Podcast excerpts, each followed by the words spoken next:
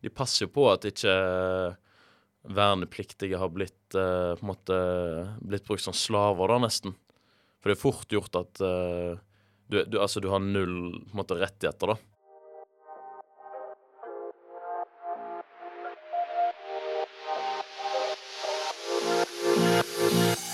I denne episoden møter dere Mathias Brandt.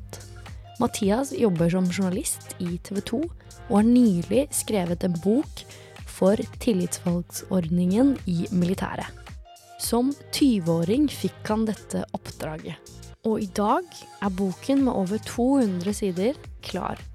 Hvordan går man frem når man skal skrive bok? Og hvordan i all verden får man en sånn mulighet? Dette er podkasten til deg. Hei, alle sammen, og hjertelig velkommen til en ny episode av podkasten til deg. Dere trodde kanskje at jeg hadde lagt opp, men jeg går altså ikke lei av å høre deres historier, og jeg vil gjerne høre dem før deres forteller havner i alle verdens ulike krematorier. Dagens gjest vet hvordan man bruker ord, og med det herjer han med overskriftene i TV 2-sporten. I en alder av 23 år skrev han sin første bok for Forsvaret. Et arbeidsjern uten like. Det var faktisk 22 nå, tenk meg om. For det var ikke fullt 23 ennå. OK! Perfekt! Ja, enda yngre er bedre. Enda yngre og bedre. Du er altså fremadstormende. Et arbeidsjern uten like. Unggutten fra Haugesund mangler bare dame og hund. I det jeg ellers vil kalle en komplett spiller. Velkommen hit som årets første gjest, Mathias Brandt! Jo, takk for det, og uh, veldig bra introduksjon, altså. Det var det. Kan du starte litt med folk som ikke kjenner deg, mm, med å beskrive deg selv med tre ord? Åh, det klarer jeg aldri. Med tre ord. Livlig, kjekk eh, og grei. Men jeg kommer ikke på. Nei, det er, det, er, det er for vanskelig spørsmål, faktisk. det er for vanskelig. Ja. Hva, hva liker du å gjøre på søndager? Søndager Nei, da gjør ingenting, egentlig. Det er litt sånn søndager skal. Du var eh, som sagt 22 år da du skrev din aller første bok. Men la oss ta det litt tilbake. Fordi eh, du er oppvokst i Haugesund. Ja. Ja. Har du alltid visst at du vil bli journalist? Ja, ganske lenge, tror jeg. I hvert fall sånn ungdomsskolen. Men, for da begynte jeg å bli interessert i det. Men det var vel kanskje det at det, Ja, hva annet, liksom? Hva annet skal jeg drive på med? Og så ble det ja, hvorfor ikke det? Jeg syns jo det var gøy. Sant? Jeg, drev med, jeg hadde det som valgfag på ungdomsskolen. Så da Ja, balla det på seg, da, rett og slett.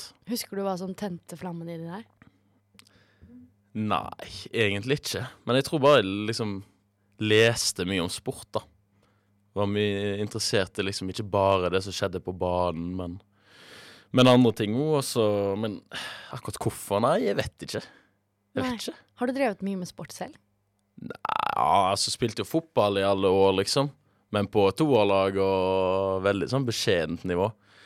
Så ikke noe sånn eh, voldsomt helt vanlig, egentlig. Men hvordan, kan du ta oss gjennom hvordan din karriere har startet? Ja, kan vel si at det begynte da på ungdomsskolen. Jeg var ganske ivrig på den der eh, Den skoleavisa da vi hadde i valgfag. Og eh, liksom tok mye initiativ og fikk gjøre det vi ville. Og ja, det var, det var kjekt, det. Dekte liksom skolelag og, og sånn, da. Var med på reiser til Stavanger der vi liksom lagde mye ut av det. Så det var jo kjekt. Og så på videregående så så ble jeg tipsa Altså rett etter jeg hadde slutta på ungdomsskolen begynte på videregående, så kom han der medielæreren min fra ungdomsskolen. Han hadde jobba i Haugesunds Avis, og han Du, de har en sånn ungdomsredaksjon der, det må du gjøre. Så var jeg litt sånn Nei, jeg vet ikke, jeg helt. Men OK, jeg får prøve da, liksom. Så var jeg med der, men det ble lagt ned ganske eh, Ganske kjapt, faktisk. Men da tok eh, sportssjefen i avisa kontakt med meg og ville at jeg skulle være eh, Ville ha meg med som frilanser, da, eh, i avisa. Og hvor gammel var du da? Nei, det var VG1, så det var jo sånn 15-16, da. Så ja, var vel i gang der på vinteren i eh, første klasse på videregående. Og dekka litt sånn der eh, tredje-fjerde divisjonskamper i lokalfotballen, litt håndball og ja, litt sånne små ting da, egentlig. Og videre derfra. Eh, videre derfra Ja, det var egentlig mye det det gikk i på videregående. Jeg jobba litt for det. Så mm, var det når jeg dro i førstegangstjenesten at det på en måte fikk en ny eh, Litt sånn eh, ny fart på seg, da, for å si det sånn. Ja, hvordan, Hva skjedde med den farten? Det var Nei, altså, for de som eh, har vært i førstegangstjenesten, så vet de at det er åtte uker med rekrutt. Så jeg var på Madla, sånn som du var et år seinere. Så kunne vi få liksom eh, velge hva vi hadde lyst til å gjøre videre, da. Og jeg var egentlig ikke så gira på militæret. Jeg var sånn Plutselig så gidder jeg ikke mer å hoppe av liksom i rekrutten. Men så var det jo egentlig ikke så galt, og det var en kjekk gjeng, liksom, så jeg ville jo ikke gi opp. Hadde jo ingen plan hvis jeg hadde dimma i august, liksom. Og så var det en sånn journaliststilling, da, i noe som heter Soldatnytt. Uh, ja, OK, da søkte jeg på den, pluss noe sånn der uh, presse- og informasjonssoldat i Sjøforsvaret, som var her i Bergen. Så mm, ja, var det et lite sånn der søknadsskjema, skrev hva jeg hadde gjort og sånn. Og så fikk jeg den der i Soldatnytt, som da var i Oslo. Men det var litt sånn ah, Jeg var ikke så gira på Oslo, egentlig. Fordi alle på troppen skulle til Bergen Håkonsvern og Så var det litt sånn Enten kunne jeg gjøre det, eller så kunne jeg være vaktsoldat. Og det er jo liksom det du ender opp med hvis du ikke får noe annet ofte. Ja. Så tenkte jeg ja, da gjør jeg det, da. Så øh, i september 2018, da, da var jeg i gang i Soldatnytt, et blad for vernepliktige soldater av øh, verne, vernepliktige soldater. I Oslo. I Oslo på Akershus uh, festning. Og hvor mange måneder tilbrakte du i Forsvaret? Ja, altså som alle andre så blir det jo tolv måneder, da. Et ja, år. Man kan jo forlenge, så jeg lurte bare på Det kan vi, men jeg var der i i tolv måneder. Så, mm, så det ble, ble ti måneder da i, i Soldatnytt. Så det var, det var litt av noen eh, ti måneder. Og nå har du som sagt skrevet eh, bok. Er det noe du alltid har tenkt at du skal gjøre? Nei, nei, nei. Det, det er jo ikke det. Det var jo veldig tilfeldig, og det hadde jo med den jobben jeg eh, på en måte hadde i førstegangstjenesten, som gjorde det. For jeg, eh, jeg var jo ivrig og liksom eh, prøvde jo å få gjøre mye gøy, og fikk oppleve ganske mye eh, fett i Som hva da? Nei, det begynte i, med en stor sånn Nato-øvelse. Den største på mange år, som var i, eh, i Trøndelag og eh, litt områder rundt. Så da var vi ei uke, da. Fikk liksom hotell. Det er jo ingen i førstegangstjenesten som får det, liksom. I Trondheim i ei uke. Og da bare dro vi hver dag ut på masse sånn der fett. Ut på byen? Ikke da? Nei, det gjorde vi faktisk ikke. Her var det seriøsitet. Ja. Vi satt liksom på en tribune der Nato viste alle styrkene sine. Alt av fly, eh, fartøy, eh, stridsvogn, alt mulig. Satt vi på liksom VIP-tribunen og fikk plass der. ja. Så det var jo enormt. Og så var vi en dag så var vi på en liksom skulle være krig da mellom eh, USA og Spania. Og en annen dag så skulle de liksom krysse en elv mens det var folk som angrep de. Og dette var vi med på så, det var jo helt enormt. ja. Um, men på våren da fikk jeg jo uh, treffe først uh, kronprins Haakon. Fikk jeg og han en halvtime på, uh, på kontoret hans, et intervju. Det var jo helt var enormt. Og så Hvordan var det? Hva var inntrykket ditt av han? Nei, det var Formelt? Ja, for det første så var det veldig sjokkerende at jeg fikk til den avtalen, da. Ja, Hvor gammel er du da? Da er jeg vel uh, 19. 19 19 år ja. og få møte kronprins Haakon. Mm. Har du noen gang møtt kongen? Nei, det har jeg ikke. Jeg, så, jeg traff ikke han på Slottet. Jeg har bare liksom sett han nede på festningen når det har vært uh, frigjøringsdagen og litt sånn. Ja. Men uh, han blir jo kongen en dag, da. Så etter hvert så kan jeg jo si eh, At du har møtt kongen, ja. ja. Hva var inntrykket ditt av han? Nei, det var, han var en veldig, veldig hyggelig kar, altså. Det var jo litt sånn Når vi fikk beskjed ja, nå er kronprinsen klar, og skulle liksom gå gjennom en dør og så hilse på han, så måtte du jo liksom si det på rett måte. God dag, Deres kongelige høyhet. Og hun fotografen jeg hadde med meg, hun, hun gikk først, liksom. Hun var bare sånn Hei. Nei, Mens jeg liksom eh, gjorde det- ordentlig, da. er det, ikke, det er ikke lov! Ja, Får du ikke blir pitchet? Jo, jo, vi hadde fått liksom klar instruks, men altså Jeg tror han er vant med at ikke alle sier det rett.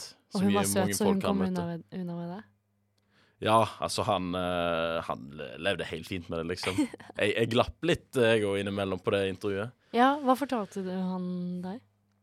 Nei, det handla jo om uh, han i, i militæret, da. I førstegangstjenesten, uh, blant annet. Han hadde jo, sånn som meg og deg, vært på Madla i Sjøforsvaret, hatt rekrutten som alle andre.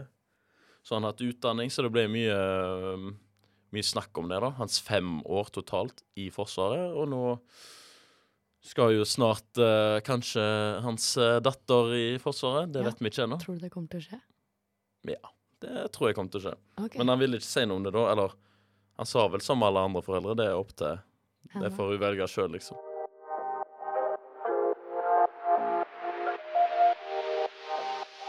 Hvem er det som inspirerer deg? Eh, ja, det inspirerer meg. Nei, det vet ikke jeg. Jeg har ingen sånne inspiratorer. Nei, jeg har ikke det. Har du noen du ser opp til? Nei. Hva er det som driver deg, da? Det er vanskelige spørsmål her, eh, Mathilde. Men eh, nei, jeg har liksom ingen sånn jeg ser opp til, da. Men det er mer sånn jeg prøver å heller lære litt av uh, dyktige, da. Av mange dyktige, og liksom trekke ting der ut ifra. Ja, hvem da?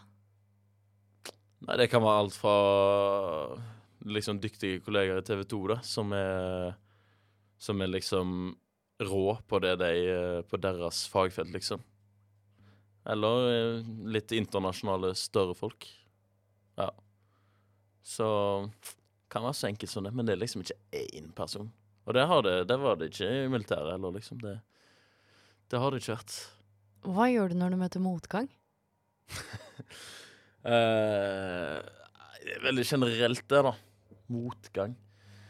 Når Nei, ting- da graver vi oss ned, da. Ja, du gjør det, Ja, litt. Men jeg vet jo at eh, ja, nå er det drit, men eh, og så går du over? Ja, men jeg må bare legge meg. Stå opp eh, neste dag så jeg sånn Hvorfor, eh, hvorfor eh, var vi nede i går, da? Det er jo, Ja. det er jo gøy, det jeg driver med, liksom. Ja, fordi eh, vi skal tilbake til boka di, som du har skrevet på vakt for soldaten. Den er for tillitsvalgsordningen i Forsvaret, som fylte 50 år. Ja, i 2022. Ja. Det er jo Hvordan fikk du dette oppdraget? Ja, det var altså mm, Dette soldatene som jobba i da, i førstegangstjenesten, det hører under noe som heter Tillitsvalgsordningen i Forsvaret. Det var liksom de som ga ut den boka. Så når jeg dimma da, hadde gjort mitt som alle andre, da fortsatte jeg i Forsvarets forum som liksom en frilansjournalist uh, her i Bergen. Og så eh, skulle jeg på et kurs i Oslo, da. Og så ville jeg bare innom liksom gamle jobben og hilse på. Ja.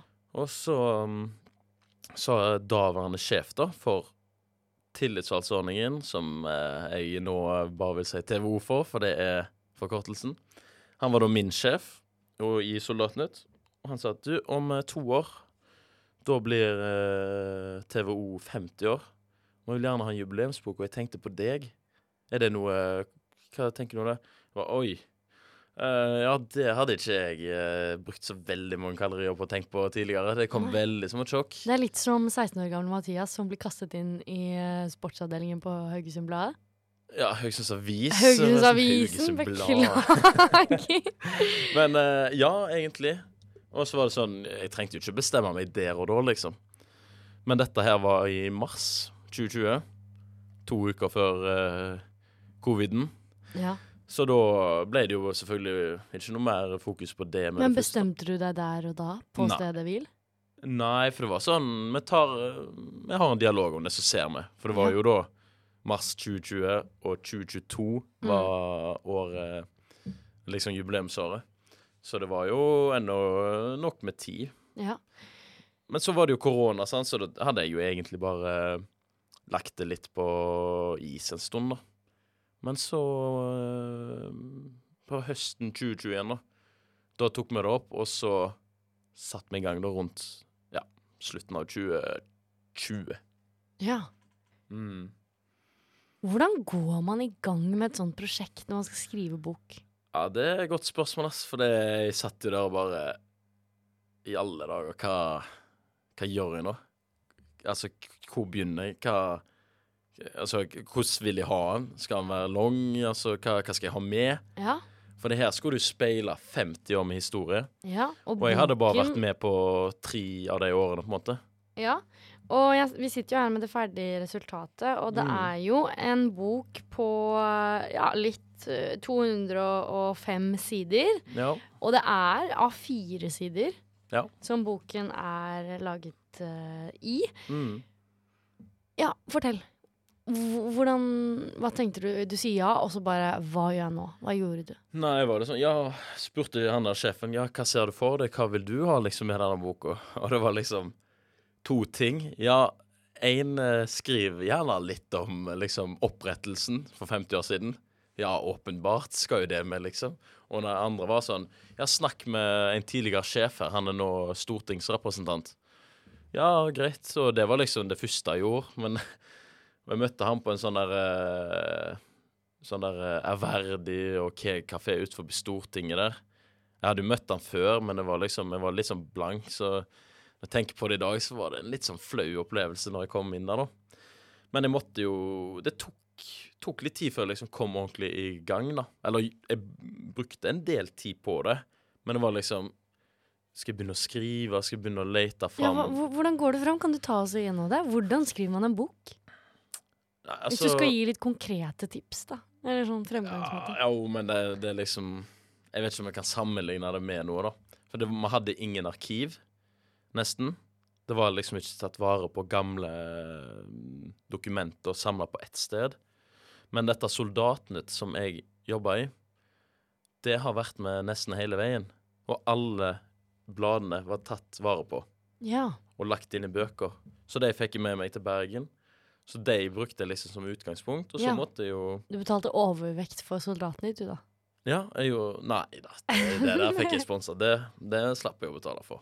Så måtte jeg jo bare bla i det og se hva som skjedde, liksom. Og så øh, Men jeg kunne jo ikke liksom bare kopiere det som ble skrevet der. Jeg måtte skrive med egne ord. Så begynte jeg å ta kontakt med litt sånn folk. Jeg så noen navn som sto i de, i de der øh, gamle bladene. Så begynte jeg å liksom ta kontakt med de. Noen var jo for 50 år siden, så noen er jo døde nå, liksom. Men Ja. øh, men jo, jeg fikk tak i noen av de, og så jobba jeg meg liksom fram i, i tid, da. Ja. Men eh, starten var ganske eh, crazy, da, Mm. for den ordningen. Så jeg brukte jo masse tid på det Mm. før jeg kom i gang, liksom. med Kan du fortelle litt om det? Uh, ja, det var, da var det helt andre tilstander i Forsvaret. Da var det sånn at kommunistene prøvde å få sentrale verv i denne ordningen. Så de kuppa møter og skulle liksom Akkurat som eh, Nesten sånn statskupp, da. Bare liksom skulle kuppe hele denne ordningen og få, og få liksom eh, vernepliktige på et sånn der eh, kommunistisk tankesett. Det var planen deres. Så det var liksom helt gale på den tida, da. Uh, så jeg brukte jo liksom mye plass og tid på å skrive om det. For det er jo ikke sånn ekstremt spennende, denne ordningen. Det er folk som har møter og vedtar ting og kjemper for soldaters rettigheter. Er, mye, det er en sånn veldig sånn kjedelig kontorhverdag ofte, da. Men de er mye ute og besøker tillitsvalgte som er over hele Norge. Men det er liksom ikke å skrive om eh, krigen i Afghanistan der mye har skjedd.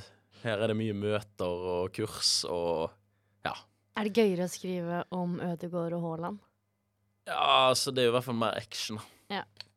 Hvor viktig vil du si at denne ordningen er for eh, Forsvaret? Nei, det han er jo veldig viktig, da. For det er jo sånn De passer jo på at ikke vernepliktige har blitt uh, på en måte blitt brukt som slaver, da, nesten. For det er fort gjort at uh, du, du, altså, du har null på en måte, rettigheter, da. Og så Og så bare blir du brukt, jobber fra morgen til kveld, liksom. Men de passer på at det er liksom Det er en vanlig arbeidsuke, sånn som vanlige arbeidere har. Det er det må være ordentlig mat i kantinen, og du må få x antall hjemreiser.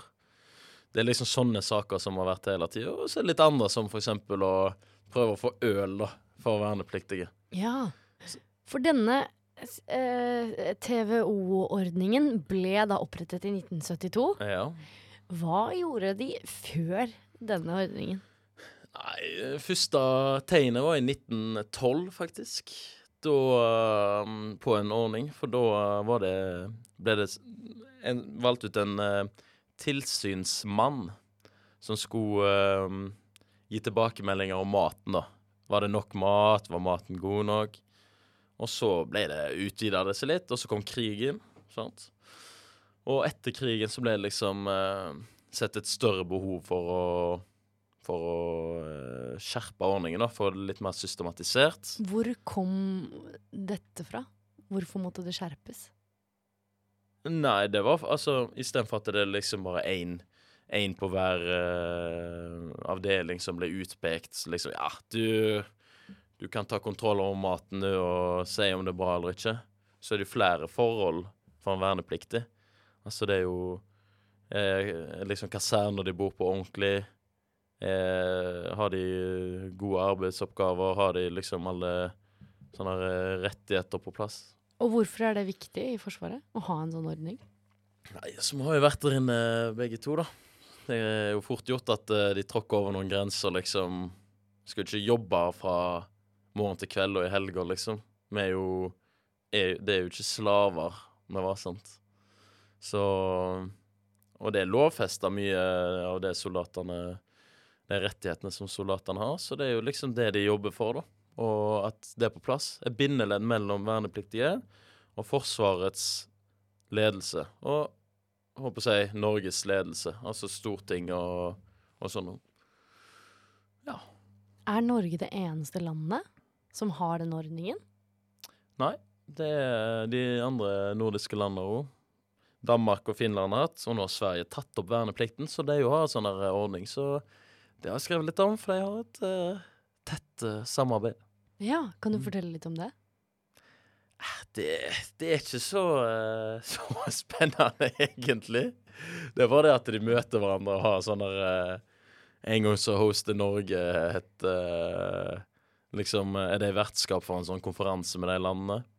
Og jeg vet at det, Tror du det det er noe uh, Unnskyld, nå avbryter jeg deg. Men tror du det er noe TVO i det russiske forsvaret?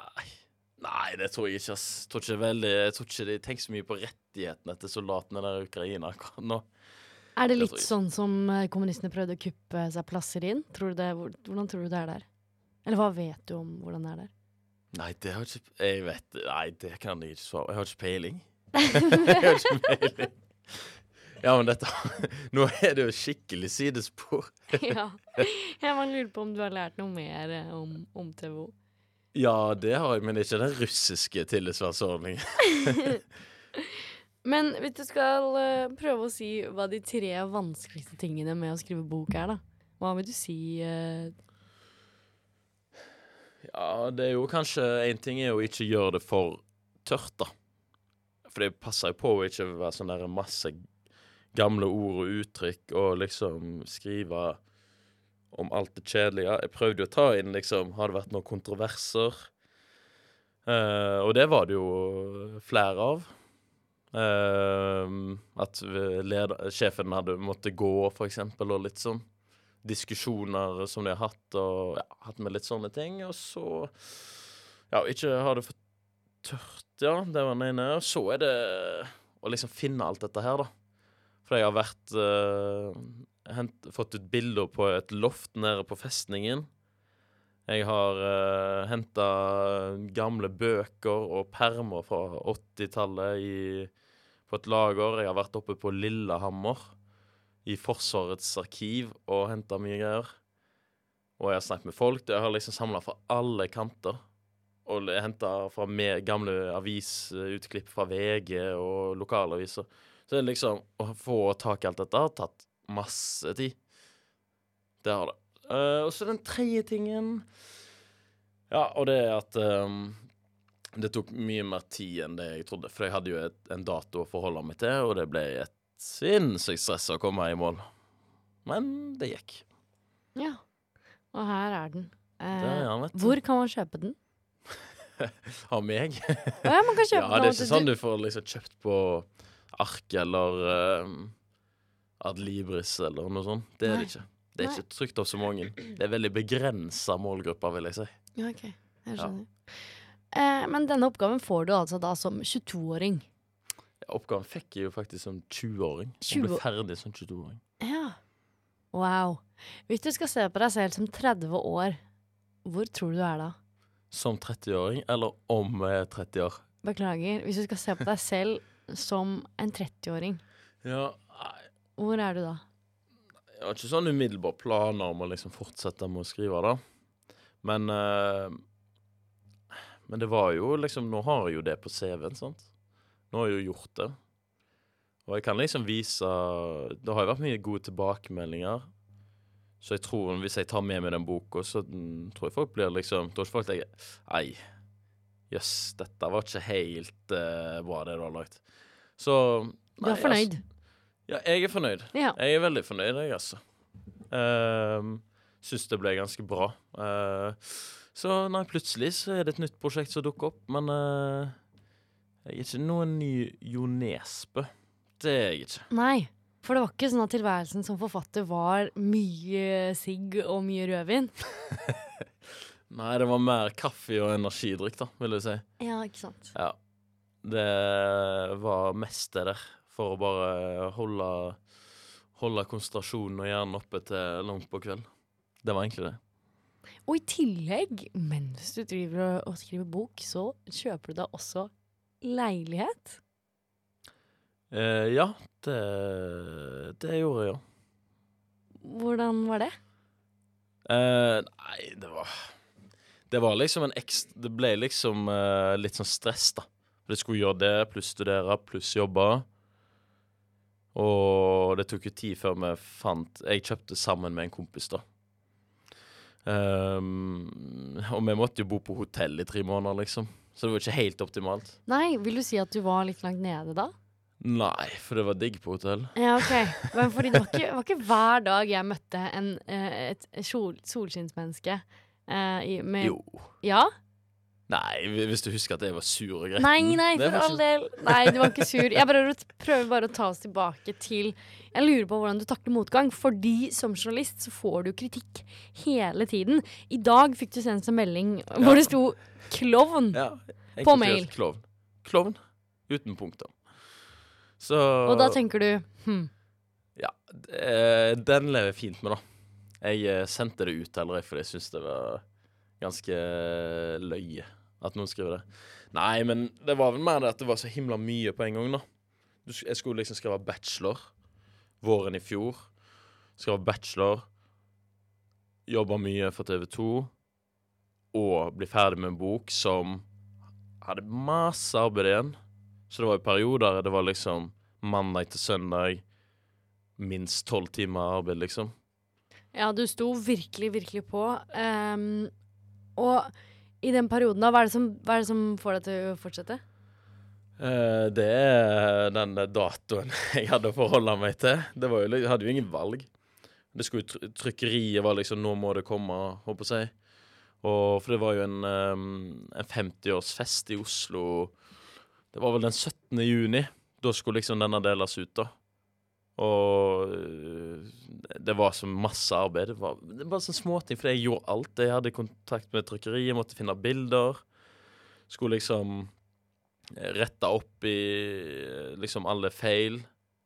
Og ja, det var så mange Det var ikke bare å liksom sette seg ned og skrive, liksom. Det var så mye mer, da. Ja. Alle bildene der har jeg funnet. Og ja, det var så sinnssykt mye greier. Ja. Men han ble klar, da. Så da kunne jeg jo presentere han på den, eh, på den festen, og så var det liksom eh, over det. Hvordan følte du deg da? Når du sto der med boka i hånda? Nei det, nei, det var ganske stort, det, altså. Det var det. Og det var litt sånn kjekt på ut på kvelden, da, fordi Eller det siste innslaget på den kvelden, det var en fredagskveld, liksom, med en sånn der festsal på festningen. Det siste som skjedde, var at jeg skulle ha den talen. Sant? Og vi ble jo servert vin og øl. Det var liksom, kom rundt hele tida. Så liksom, ja, nå må jeg jo begrense det inntaket, da. Kan ikke stå halvfulle og presentere den boka, liksom. Men eh, så jeg sve, begynte, svetta jo litt, da, for det var jo 120-130 stykk der. Ledere fra Forsvaret og Sjef Sjø og Ja, han var der òg. Så mm, Men også skulle jeg ha en sånn der eh, panelsamtale med folk fra Stortinget og sånn, så Men det gikk fint, og etterpå var det mange som kom bort, og mange som ville at jeg skulle skrive, liksom signere boka. Så det var veldig kjekt, da. Masse eh, tilbakemeldinger. Folk som liksom Wow, den så jo skikkelig bra ut. Så det var jo Det var skikkelig trivelig, da.